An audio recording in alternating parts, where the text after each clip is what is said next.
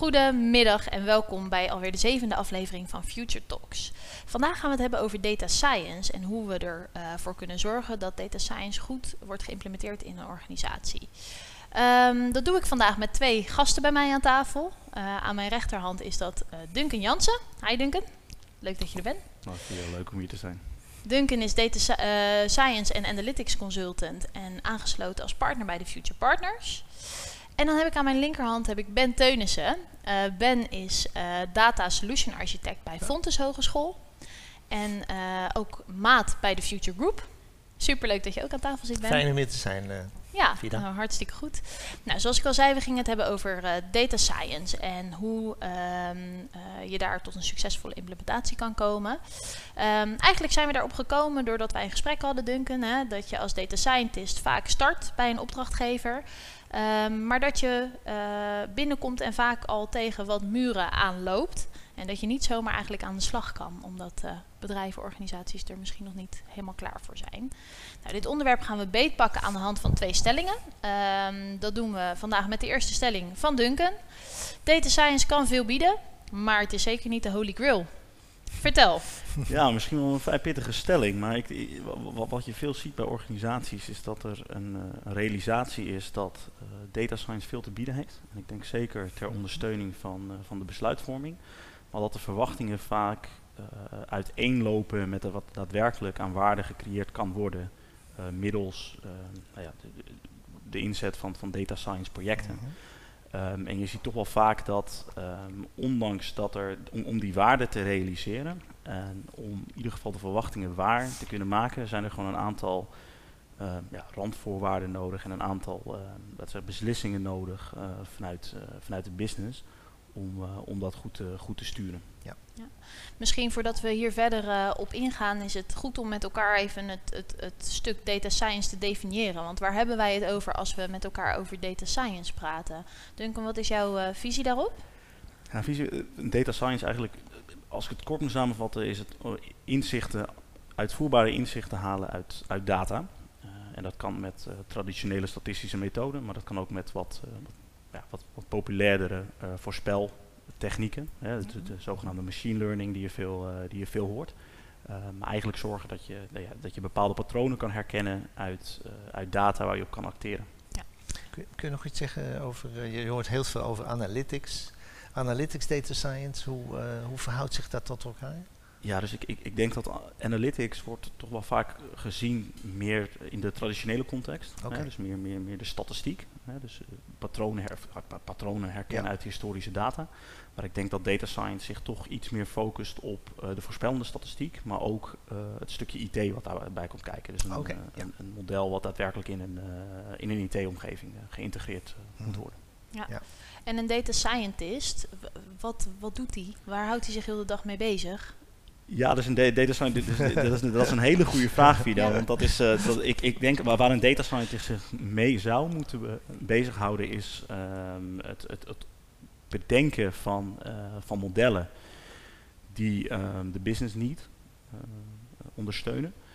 Uh, en daarin met een business moet itereren en ook moet gaan bijsturen van oké, hoe kan ik een model ten eerste nauwkeurig maken, maar ten tweede ook uitlegbaar maken. Maar wat je toch wel vaak ziet, en ja, ik denk dat daar ook een deel van de discussie vandaag over gaat, is om ja, dat, dat dat niet altijd hetgene is wat een data scientist doet binnen een organisatie. Nee. Nee, nee, daar kunnen we wel meteen op inhaken, maar ik, ik, ben blij dat je het even definieert. Dat je even ja. de paaltjes in de grond slaat over uh, welke persona's onderscheiden we nou. Ja, ja uh, want binnen het data science spectrum zijn er volgens mij ook wel wat verschillende rollen, hè? Klopt, klopt. Ik denk, ja. ik denk dat er drie hoofdrollen zijn okay. uh, binnen data science. Ik denk dat, um, dus, dus ik denk de, de, de unicorn data scientist is iemand die wat we afweet van software engineering practices data engineering practices, uh, de statistische modellen goed begrijpt, goed beheerst en ook, uh, ook echt daadwerkelijk begrijpt. Maar ook uh, resultaten en modelleertechnieken goed kan communiceren mm -hmm. naar, naar bijvoorbeeld niet-technische ja. mensen. Ja. ja. dus die brugfunctie kan vervullen eigenlijk naar de business. En, maar is dat ook degene die zelf het modelleren wel doet, maar ook het structureren van de data? Is dat ook een onderdeel van... Ik zou, ik zou haar zeggen het, het preppen van de data. Het preppen? het preppen, het, peper- het prepareren van Ja. ruwe data. eh, laat ik het zo eens noemen. Ja, ik zou eigenlijk zeggen dat dat. dat kijk, je hebt ook een, een apart, aparte functie, die is gedefinieerd als data engineering, waar je eigenlijk eh, pipelines, data pipelines Ja. opzet Ja. om data te structureren, te ontsluiten, eh, te transformeren en te laden naar een, nou ja, naar een omgeving waar je je modellen kan, kan bouwen. Eh, wat je veel ziet in de praktijk is dat eh, data scientists ook moeten fungeren als, als, als data engineers. En oftewel met het opschonen van data, oftewel met het verzamelen van data, oftewel Mhm. met het, nou ja, laat ik zeggen, uit het, de hoofden halen van, van degene waar je mee werkt. Hè, want dat kan ook voorkomen. Ja, ja. Dat er daadwerkelijk data in, eh, niet eens opgeslagen is in een bron. hè, de- niet in een Excel-formaat, niet in een database. Wel of- in een bron, maar de bron is een persoon. Dus daar kan je Exact. niet heel... eh, Exact. En, ik, ik, ik, en, en, en idealiter, in, in, in een ideale wereld, zou ik zeggen dat een data engineer vooral de structurering oppakt. Ja. Eh, en een data scientist vooral het modelleren oppakt en de communicatie naar een, naar een business toe. Naar de business toe. Ja, ja. Hey, en waarom is het niet eh, de holy grail? Want ik moet Ja. zeggen, Jan en Alleman, alle bedrijven zetten er volgens mij flink op in. Ja, Eh, en jij zet hem hier hard neer, neer van, ja, het is niet de holy grail, jongens. ja dus, dus wa- waar, waar het vandaan komt is dat ik, ik, kijk, wat ik denk waar de, waar de meeste waarde in zit, eh, data science is eigenlijk patronen die mogelijk, de patronen uit de toekomst, ga je naar het nu halen om een betere, meer informatie te vergaren om uiteindelijk eh, b- te kunnen beslissen. De next step, ja. Hè? En uit- uiteindelijk, mogelijk kom je zelf ook wel op die patronen over tijd, maar je zorgt dat je nou ja, een eh, competitive advantage creëert door daadwerkelijk die patronen naar het nu te halen. Ah, wat, wat, wat vaak het probleem is, het, het is een ondersteuning van een beslisproces. Dus het is altijd een, een, een mens die een beslissing maakt Ja, Mhm. en, de, en, en de data science kan de ondersteuning bieden. Maar wat je veel ziet, is dat heel veel eh, partijen toch wel zie je denken van oké, we hebben een bepaald probleem. We zien de potentie van analytics, AI, machine learning, noem het maar op. En de, de verwachtingen, omdat ze bijvoorbeeld zelfrijdende auto's zien, of Ja. bijvoorbeeld recommendation sy- systemen die redelijk goed werken hè, voor grote techbedrijven, ehm, wordt er dan vaak een verkeerde insteek genomen als oké, de analytics gaat daadwerkelijk die problemen eh, Oplossen. fundamenteel oplossen. Ja, En, en ja. ik denk dat daar, dat is denk ik waarom ik hem hard maak hier als dat niet de holy grail is. Ehm, eh, omdat het niet al je problemen gaat oplossen Nee. eh, met, met een model.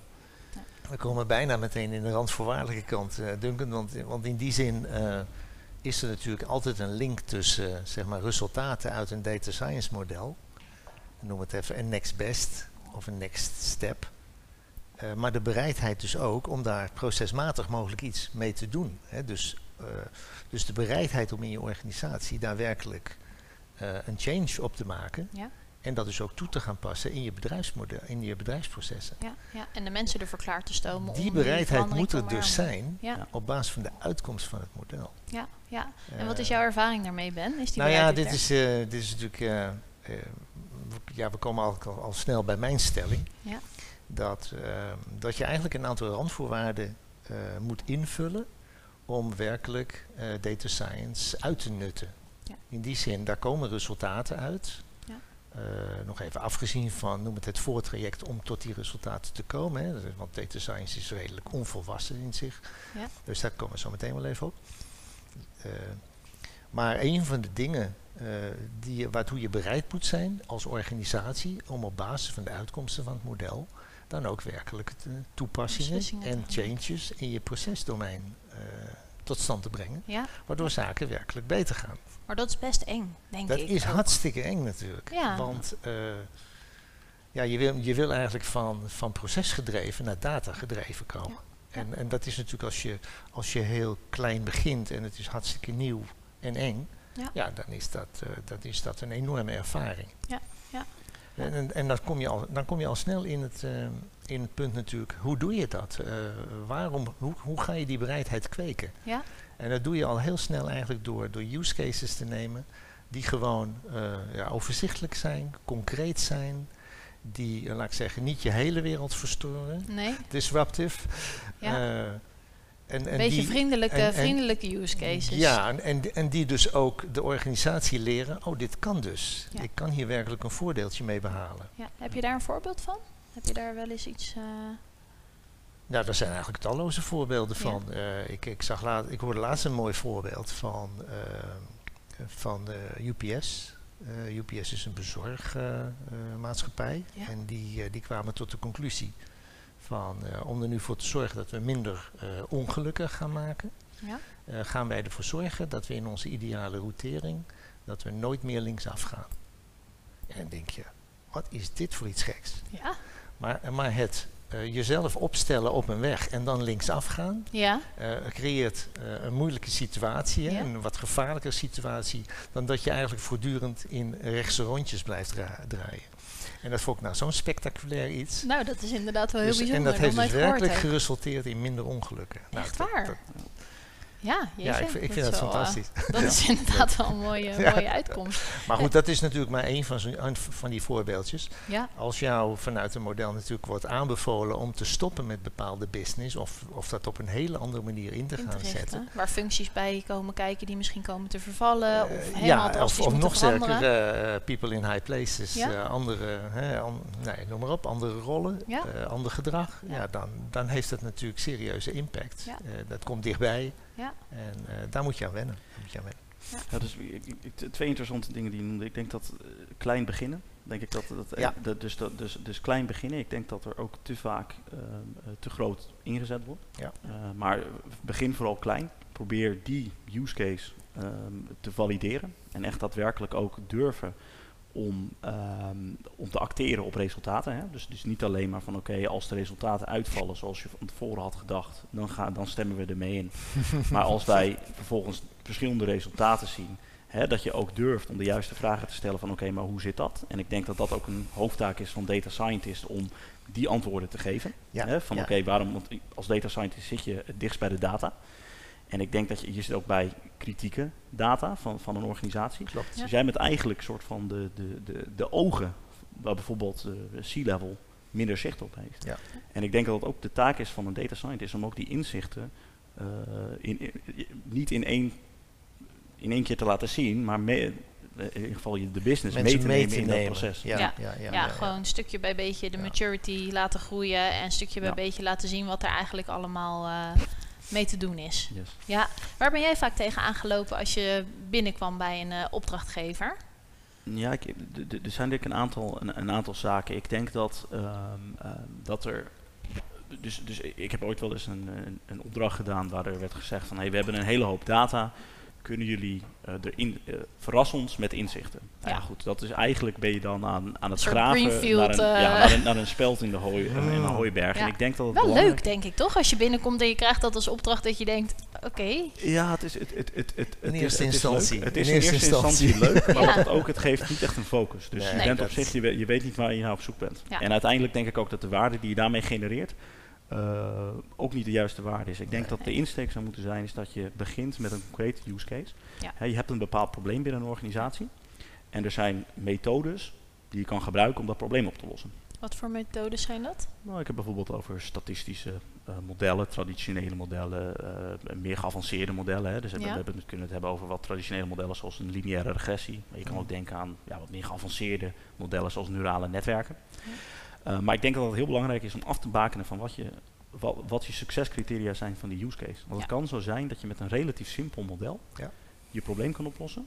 Ja. Of, de, of zelfs nog met bijvoorbeeld een BI. Dat je gewoon je, je huidige processen gewoon eens inzichtelijk krijgt. Ja. En gewoon eens gaat aantonen van oké, okay, hier, dit is waar we staan. Dit is wat wij, wij denken, dat ons, hoe onze processen lopen. Ja. En dit is wat we vanuit de data zien. Ja. En wat er toch wel te vaak gebeurt, is dat er ja, te hoog ingezet wordt. Met te complexe modellen, te, te weinig focus in je use case. Dat zijn denk ik de grootste...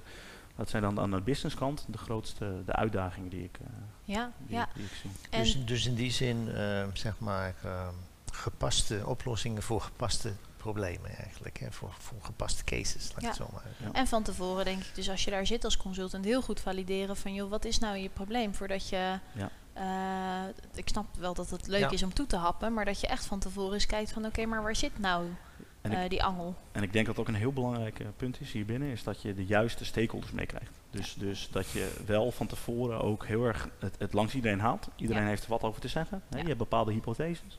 He, jij ziet vanuit de data zie je bepaalde inzichten. Ja, ja. Dan formuleer je hypotheses. Je houdt het langs een business. Een business zegt van oké, okay, dit is wat wij, nou ja, wat wij ervan weten. Hè. Dit is Mhm. de verklaring die wij hebben. Dit is de richting waarvan we denken van oké, daar moeten we, moeten we op gaan. Maar wel constant eh, de, ja, de stakeholders betrekken in waar, waar wij mee bezig bent. Eh, en wat voor oplossing je uiteindelijk wil gaan, eh, Ja, gaan leveren. zodat je het niet achteraf in één keer met een soort van eh, iets heel moois komt presenteren wat totaal geen draagvlak heeft. Ja, Eh, maar dat je inderdaad al met elkaar een beetje de neus in dezelfde richting op beweegt. Ik, eh, ik, ik zit een beetje te. Kijk, we, we hebben het over die use cases gehad, hè, maar eh, we kunnen natuurlijk niet alle use cases zomaar even supporten. Eh, eh, ik, ik bedoel daarmee eh, als, als data scientist, en zoals ik je nu eventjes benoem, eh, Duncan.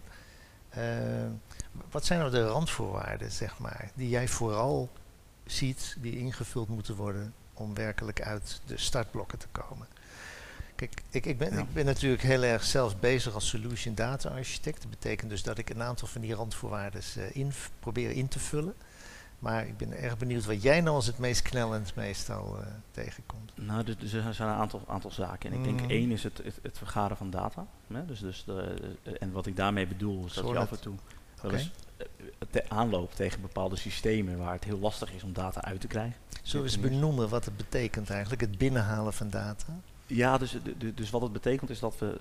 Kijk, uiteindelijk wi- wil je werken eh, bij een voorspelmodel of bij, een- bij een data science oplossen naar wat we noemen een feature-based table. Dus we willen een set aan data hebben Ja. waar we een model op kunnen trainen. eh, op basis van historische patronen om wat te kunnen zeggen over, over de toekomst. Ehm, en wat je vaak ziet is dat de kracht zit van dat soort modellen vaak in, in de features die je, er, eh, ehm, ehm, die, je toevoegt en die kunnen vanuit meerdere bronnen komen. En wat je vaak ziet is dat er vanuit meerdere bronnen data ontsloten dient te worden. Ehm, dan loop je al bijvoorbeeld tegen een uitdaging aan dat er niet een, een link is tussen die databronnen. Dat is bijvoorbeeld. eh, Eigenlijk dat het niet dezelfde taal spreekt, hè? als je het even in je Ja. Janneke ja, niet, niet, niet dezelfde taal. eh, data is ook niet van voldoende kwaliteit. Hè. Het kan Ja. zo zijn dat er verschillende data input in zit, dat er een interpretatie op een bepaald veld zit. Hè. Ja. Ja. Eh, en Ja. en waar, je, waar je ook daadwerkelijk iemand nodig hebt die ook kan vertellen van hey, eh, di- een nul bijvoorbeeld in, in, in een kolom is, eh, betekent niet. Hè, Ja. dat, dat, dat is Ja. bijvoorbeeld ook. En dat, dat, dat de Ja. data dictionaries beschikbaar en, zijn. En Ja. als, je dat nou, als je dat nou een beetje groter trekt, hè, stel nou voor je wil, eh, wil iets meer aan data management at scale doen. Hè, dat Ja. je zegt van eh, ik zit als data science aan, de, aan, de, aan het einde van de pijplijn, zullen we maar zeggen. Eh, dus ik wil gewoon dat een aantal zaken in place zijn. Ja.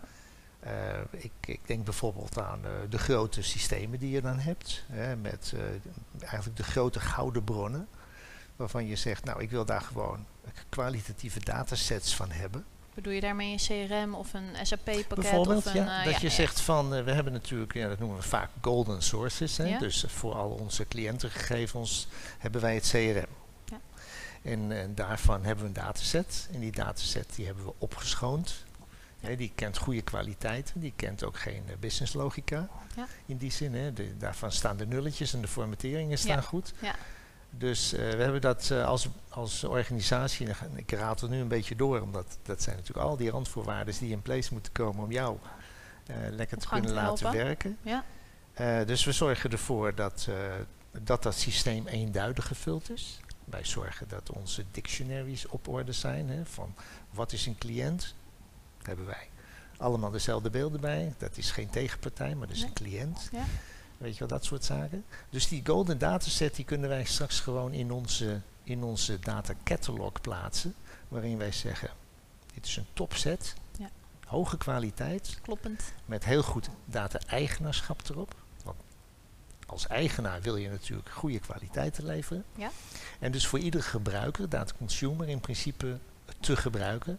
Natuurlijk weer tegen de achtergrond van allerlei toestemmingen. Ja. Dus, eh, nou, hartstikke mooi. Dus we zorgen ervoor dat die datasets op orde zijn. Ja. We zorgen ervoor dat, eh, dat noemen we dan zo mooi, de data-ingestie. Dus het binnenhalen van de data in eigenlijk in een data engine. Dat dat ook allemaal goed loopt. Ja. Dus we hebben de laatste afslagen en noem maar op allemaal. Ja. En daarachter Zo'n data engine, wat kan dat dan zijn? zo'n data engine is eigenlijk gewoon een verzamelplek. Ja. Van waar je, eh, zeg maar, eh, noem, ik denk even in files in dit geval bijvoorbeeld, Ja. waarbij je die files binnenkrijgt. Ja. Dus zeg maar, het gehele eh, CRM-file komt binnen. Ja. Van mij wat maandelijks, misschien dagelijks. Ja. Waarin je zegt van, nou die wordt gecleansed en gedaan en ge, gevormd. Nou.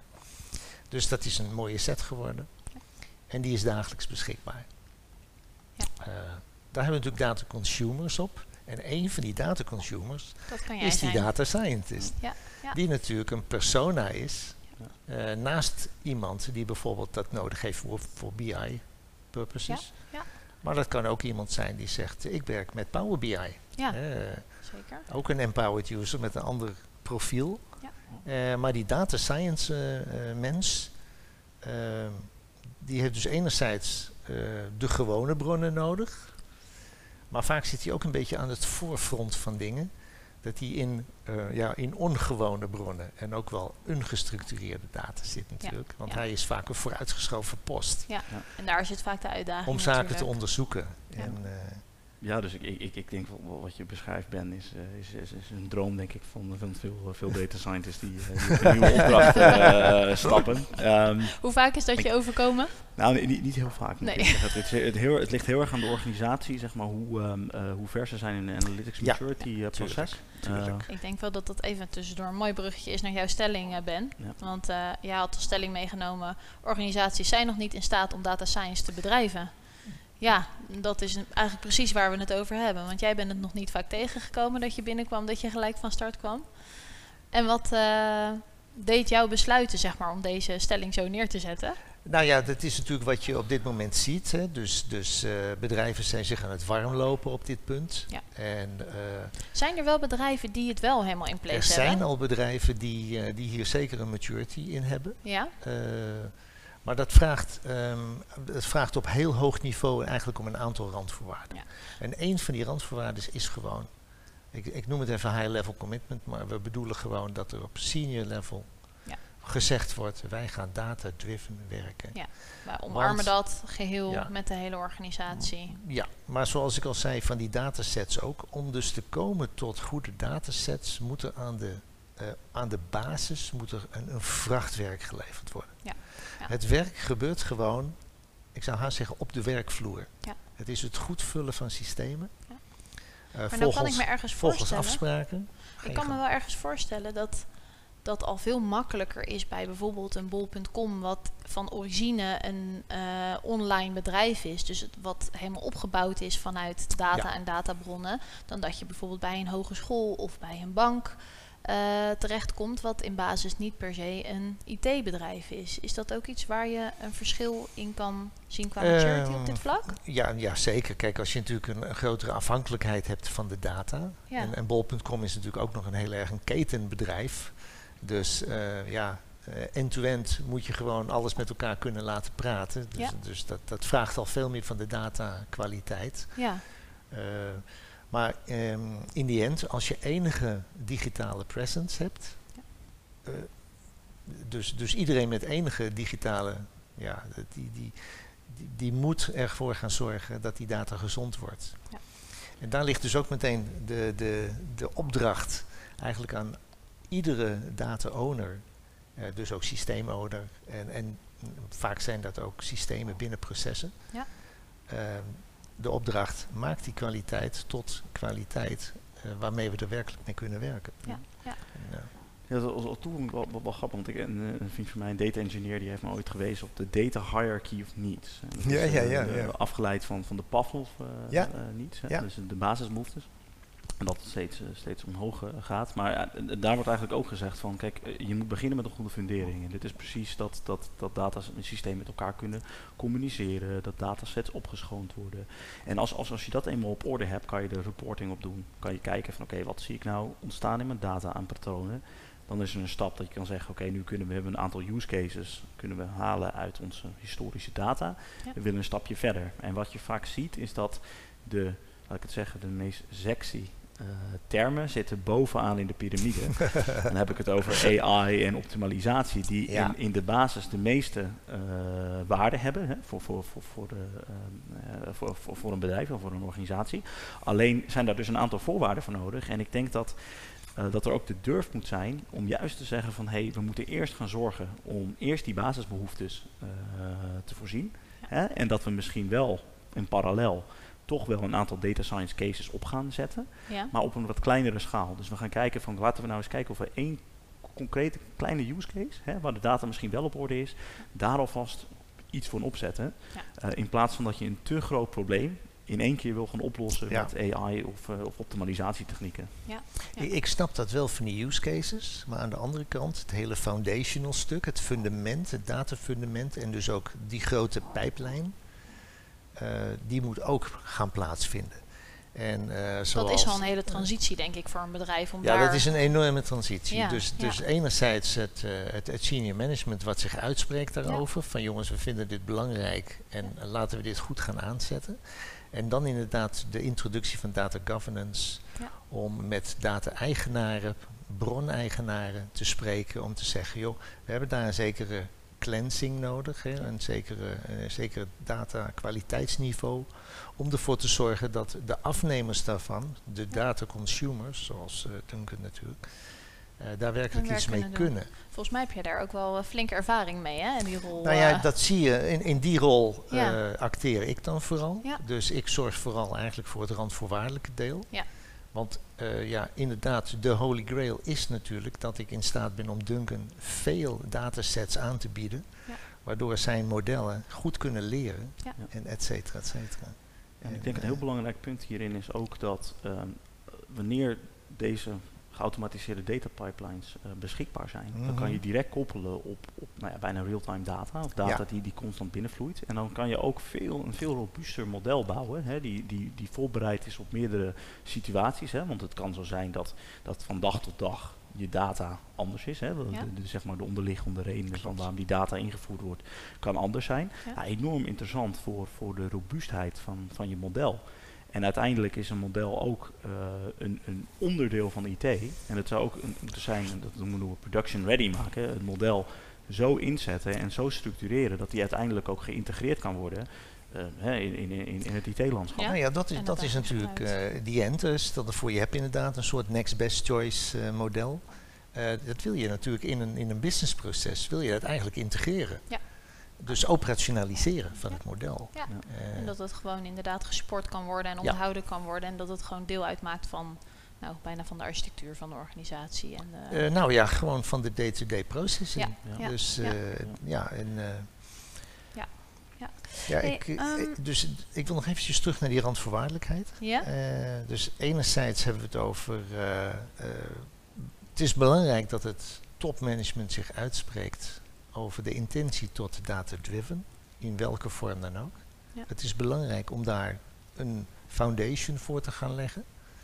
Dus, maar ook data governance in te richten, et cetera. Ja. Dat je dus, dat je dus eh, voldoende ownership krijgt eigenlijk. Kan je daar nog wat over vertellen, over het data governance stukje wat daarbij komt kijken?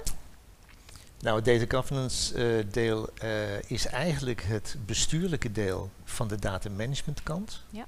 Eh, data management kant is, eh, noem het maar, het, eh, ik noem het eventjes, het goed housekeeping en op orde houden van al je data. Ja, ja. Daar bedoelen we gewoon mee van, we, we weten wat de data inhoudt, we kennen alle eigenschappen, we kennen metadata, dus dat is de data over de data zelf. Maar we hebben ook iemand nodig om tegenaan te praten, bijvoorbeeld op het gebied van datakwaliteit. Nou, Ja. dan komt die owner heel erg ter sprake. Ja? Want dat is dus het deel, daar ligt de grote inspanning eigenlijk op de vloer. Ja. Om ervoor te zorgen dat langzamerhand die kwaliteit omhoog gaat. Ja, ja. En, eh, en dat iedereen ook zijn en daarnaast, wat ik al zei, dat ja, data management at scale kent gewoon een stuk eh, infrastructuur wat je nodig hebt. Ja. Zoals eh, Duncan net ook zei, van ik wil eigenlijk eh, data streaming binnen kunnen halen. Ja. Nou ja, dat soort zaken, eh, batch gedreven, API gedreven, streaming gedreven. Ja. Alles is nodig Ja. om ervoor te zorgen dat dat, dat, dat efficiënt kan landen bij die consumer. Ja. En, eh, nou, dus dat is een enorme inspanning. En dan, dan, nee, je hebt natuurlijk de, noem het maar, de meer strategische invalshoeken. Dat is dat, eh, dat, is dat eh, senior level eh, Ja, management. het politieke spel wat er ook bij komt. eh, ja, daar spelen een hoop, hoop zaken in. En daarnaast dus de bereidheid om werkelijk aan change management te doen op Ja. basis van resultaten. Ja, En, ja, ja. Misschien om daarop aan te haken. Hè. Dus, dus ik, ik denk dat die inzichten nog niet eens, zeg maar, uiteindelijk, eh, natuurlijk een, een, een model wat in productie draait en dagelijks de beslisvorming, eh, beslisvorming ondersteunt, is eigenlijk het, het uiteindelijke doel. Maar ik denk wel dat in dat proces Hè, dus als, als, als data al gestructureerd is, om daar al inzichten uit te halen. Hè, dus uh, een business al begeleiden met van wat er staat, wat er al gestructureerd is, om dat uh, inzichtelijk te krijgen. Dat geeft al iets van een, van een waarde dat er uiteindelijk naar een hoger doel ja. uh, gestreefd wordt. Dus ik die, denk ook in het proces, in plaats van wachten tot alle data gestructureerd is, denk ik wel dat er ook een deel parallel kan gebeuren. Oh, oh zeker, zeker. Ja, ja. Dus het een doen en het ander niet laten. Ja. Dat is een mooie inderdaad. Maar jezelf niet, uh, uh, ja, niet te veel rijk rekenen in die zin. Want, uh, dus je moet successen hebben als, als use case bouwer, laat ik ja. het zo maar stellen. Ja, om ook te kunnen onderbouwen waarom die grote verandering natuurlijk nodig ook, is. Je moet ook leren. Ja. Nou, dus je leert. dat foundational stuff is ook een jarenlange inspanning. En, ehm, ja, en je moet veel use cases genereren. Ja. En use cases, dat, is natuurlijk al, dat brengt een hele gedachtegang in de organisatie uh, tot stand. Van waar liggen hier eventueel de winstmomenten. Ja. Ja. Uh, dus heel veel use cases. En dat dan tegen de achtergrond ook weer van snel falen, hè, de fail fast filosofie. Maar blijven denken in die use cases. Zijn bedrijven eigenlijk, vergissen zich vaak in dat ze denken dat ze al verder zijn dan dat ze zijn? Nou, wat ik vaak zie is, en, en je, je, hoort af en toe wel eens uh, van oké, okay, we hebben data, hè, we hebben heel veel data. Ja. We hebben overal vanuit verschillende bronnen. Ja. Maar, maar dat is, ja, een data hebben betekent nog niet dat het bruikbare data is. En dat nee. is Ja, misschien nee. het bruggetje. En, en, en wat je veel ziet is dat met, uh, stel dat je een, een experiment gaat uitvoeren hè, op een bepaalde use case. Het is best wel makkelijk om te komen tot wat inzichten. Ja. Uh, presenteren een in een dashboard. Doen, een mooie, ja, op, op, op een ja. aantal Excel sheets of een aantal losliggende oh, data. En wat je dan vaak ziet is dat dan de verwachting is van oké, okay, dit kunnen we doortrekken Ja. uh, in dezelfde snelheid. En dan kom je in één keer tegen uh, een hele hoop aan. Hè. Dus als je uiteindelijk wil gaan implementeren, dan, dan kom je er in één keer achter van hey, um, hè, een, een, model moet niet alleen maar lopen op een dataset, nee, Nee. op een dagelijkse dataset. Hè. Hè, we moeten het integreren met IT. We moeten uh, zorgen dat we niet in het vaarwater komen van bijvoorbeeld eh, een partij die mogelijk zeg maar buitenspel gezet komt worden. Dus Ja. ik denk in, in ik denk dat design thinking, dus meer Ja. van, van tevoren heel goed nadenken van oké, wat is mijn use case? Wie zijn de gebruikers? Wat heb ik allemaal nodig qua data? Wat heb ik allemaal nodig aan capabilities? Ja. Wat heb ik allemaal nodig aan, uh, aan stakeholders? Hè? De subject matter experts bijvoorbeeld. Ik denk dat dat een belangrijke voorwaarde ook is naast inderdaad het opschonen van de data. Om een succesvol uh, project neer te zetten. Ja, ja, ja. Ja, ja, en inderdaad wat je zegt ook, dat het, het is echt gewoon use case per use case per use case waarbij je dat eigenlijk kan structureren. En dan is het dan zo dat je hoopt op termijn dat dan heel de organisatie zover is? Of, of Nou, het, je loopt gevaar door in use cases te te denken blijven hangen in dat je dus van... de grote lijn Ja. niet, eh, noem het maar, randvoorwaardelijk neerzet. Ja, ja. Dus je moet en een roadmap hebben Juist. En je hebt use cases gewoon nodig om succes te hebben. Ja. Want dat hebben we allemaal nodig. Ja. Dat, moet, dat moet voortdurend blijven gaan. Ja. Maar langzamerhand kun je dus inderdaad die use cases meer operationaliseren. Ja, ja. Want we zien het heel vaak. Er komt een externe fintech binnen, presenteert een proof of concept. Wij Super zeggen gaaf. allemaal top. Ja, Eh, laten we zeggen low hanging fruit. Even, hè, in- Mhm. in, in, in, de, in de positieve zin. Low hanging fruit. Ja. Maar operationaliseer dat maar eens. Ja, ja. Dat valt hartstikke tegen. ja. En hou Ja. het schaalbaar en, eh, of Ja. maak het schaalbaar. Ja, en, maak het, ja, ja, goed. ja, ja. Dus, eh, Nou joh. Hey, eh, qua ehm, als mensen nou heel veel interesse hebben om als data scientist aan de slag te gaan, want je hoort natuurlijk heel veel, het klinkt ook heel spannend. Eh, welke technische skillset komt daar een beetje bij kijken? D- er is ook een discussie gaande tussen R en Python. En ik denk Ja. dat die over de jaren heen eh, meer richting, eh, richting Python, dat Python eh, aan het winnen is. En de reden waarom ik zeg Python, leer, leer Python, dat is de eerste, eerste tip die ik zou willen meegeven. En dat Ja. komt puur om het feit dat Python veel makkelijker te integreren is in, in het IT-landschap. Ja. En veel makkelijker, eh, daar kan je bijvoorbeeld applicaties in bouwen. Ja. Dus het is veel makkelijker om die modellen eh, te integreren en daadwerkelijk een applicatie neer te, neer te zetten. Ik denk dat dat, eh, dat één is. Ik denk twee, een, eh, een, een, skill die onderschat wordt. Hè, naast zeg maar, het echt het begrijpen van een model, hè, de onderliggende wiskunde achter, Ja. achter deze statistische modellen, is meer DevOps, eh, software engineering eh, practices. Ja, Hè, dus niet dat je, dat, hè, dus, dus zeg maar uiteindelijk kan je code schrijven wat werkt. Uh, maar het is een, nog een grotere kunst om code te schrijven die onder heel veel voorwaarden werkt. werkt en te onderhouden is. En, uh, ja, en te ja. onderhouden is. En, en, en, en, en uh. ik, ik moet het ook even noemen, natuurlijk docu documenteren van je Ja. code. Hè. Zorgen dat je ook daadwerkelijk als iemand jouw code geeft, dat het he- in een heel logisch, een gestructureerde manier Ja. eigenlijk het, het, jouw denkproces weergegeven wordt in, uh, in code. Ja, ja, ja. Ik zou er bijna nog iets aan toe willen voegen, want we hebben natuurlijk... Wat, je- wat je ziet in de data science, daar komt eigenlijk business IT alignment op zijn perfecte wijze tot stand. Samen. Ja. Dus die data science man die moet ook nog goed kunnen communiceren. Ja. Die moet dus z- ook nog een beetje in de huid van de businessman mens kunnen kruipen. Ja, ja. En daarnaast moet dan ook nog met de ingenieurs kunnen praten. Ja. Wat zou een mooie achtergrond zijn voor een data scientist? Is dat iemand die vanuit... Eh, ehm, het, het, is, nou ja, het is sowieso wel moeilijk. Je kunt, je kunt zeggen van eh, hele sterke statistische achtergrond. Maar een, een, nou ja, een welbespraakte eh, econometrist ja? eh, maakt een hele goede kans. Oké. Ja, ja. En is dat dan ook fijn als hij nog wat jaren ervaring heeft allereerst om business te begrijpen? Of zou je als data scientist van school kunnen komen?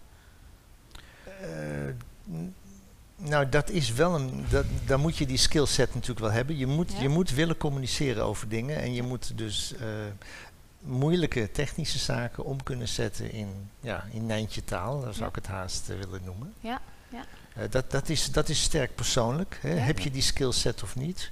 Ja. Ik denk wel dat een partijtje consultancy skills er zeker toe doen. Ja. Dus in een consultancybedrijf werken en, en zaken willen uitleggen Ja. Naar de klant toe is wel belangrijk. Dat, Ja. eh, Ja, en hoe zie jij dat? Ja, ik, ik, ik zie het echt zo. Ik, ik denk dat, dat er vanuit meerdere hoeken data scientists opgeleid worden. Ja. En aan de ene kant Ja. zien we het van, meer vanuit de, de econometrie, statistiekhoek. Ja. Ja, en vaak, wa- wa- wat ik daar heel vaak zie, is dat dan eh, het begrijpen van modellen, het, het opbouwen van modellen, het begrijpen en het uitleggen van modellen, ijzersterk vaak is. Ja. Eh, maar die missen bijvoorbeeld programmeerervaring, Ja, hè, software technische, engineering eh, eh, eh, eh, principes. ja, ja, ja. Ehm, aan de andere kant zie je ook een hoek meer vanuit de computer science, hè, Ja. die, die daar dan wel heel goed in zijn.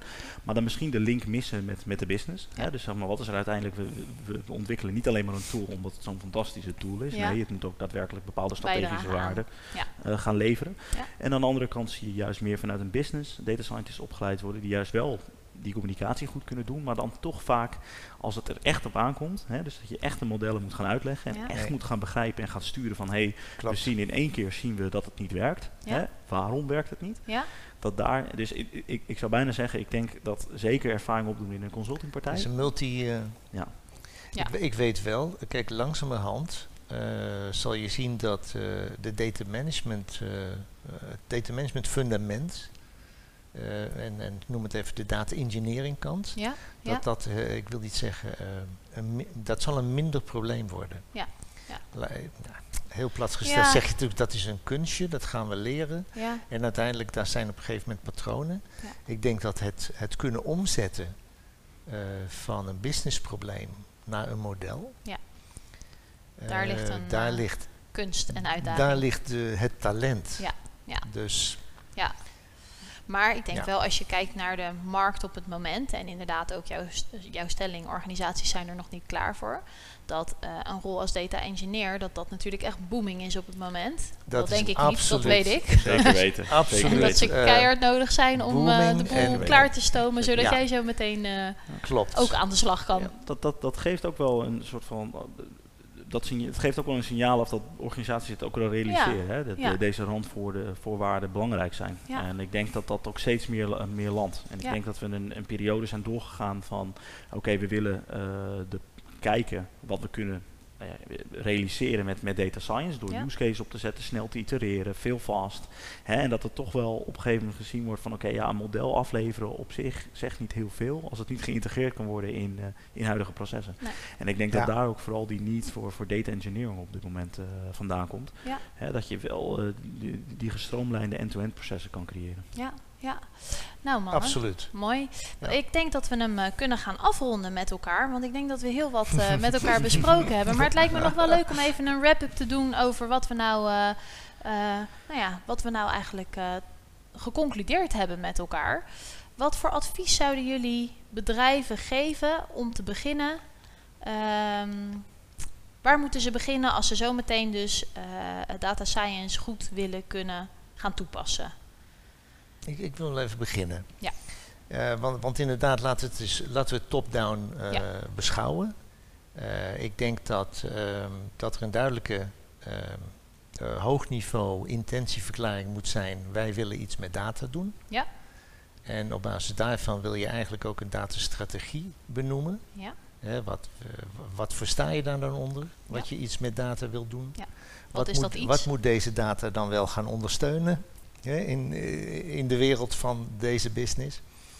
En op basis daarvan, eh, en eh, laat ik zeggen, ook de moed willen hebben Ja. om dan iets te doen met de resultaten in je day-to-day business. Ja. Dus het operationaliseren en dus werkelijk even opzij gaan als je denkt van hé, hey, we hebben nu iets geconstateerd, Ja. laten we dat dan ook implementeren. ja, dit wijkt af van onze normale processen, maar En we hebben het eh, geconstateerd. Laten we de durf hebben om Ja. ook daadwerkelijk ernaar te kijken wat het is en eh daar Dus dat is het strategische, eh, noem het even intentionele. Ja, en dan komen ja. we daarna natuurlijk in het eh, In uitvoeringsdeel. jouw, Het- stuk, inderdaad. Ja. Ja.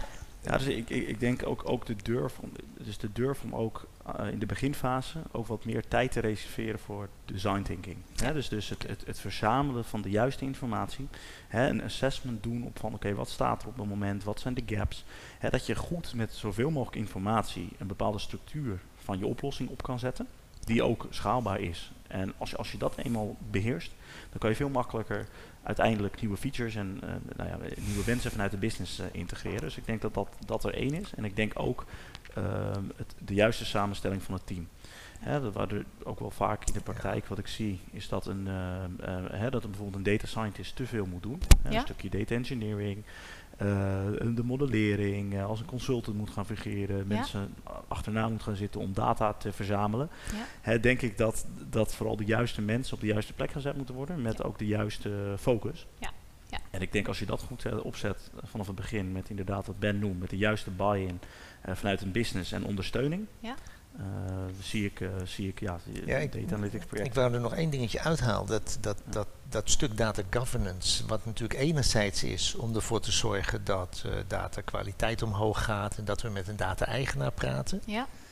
Eh, wat we ook eh, zeer ja, eh, hoe zeg ik het, efficiënt moeten regelen, dat is de hele procesgang rond de toegang en de toestemming tot toegang tot data. Ja, ja.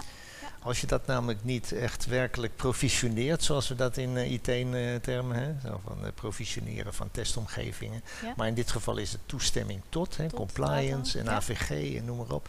Als je dat niet op orde hebt, dan is dat ook een zeer frustrerende. En dan kan je gewoon als je data consumer niet Ja. reageren op Ja. dingen. Dan kan je niet aan het werk. Ja. Klopt. Ja. Dus als je, da, ook dat is een van de randvoorwaarden. Ja, Gewoon het geheel eh, aan procesgang rond data, Ja. toestemming, et cetera. Dat Ja. is echt...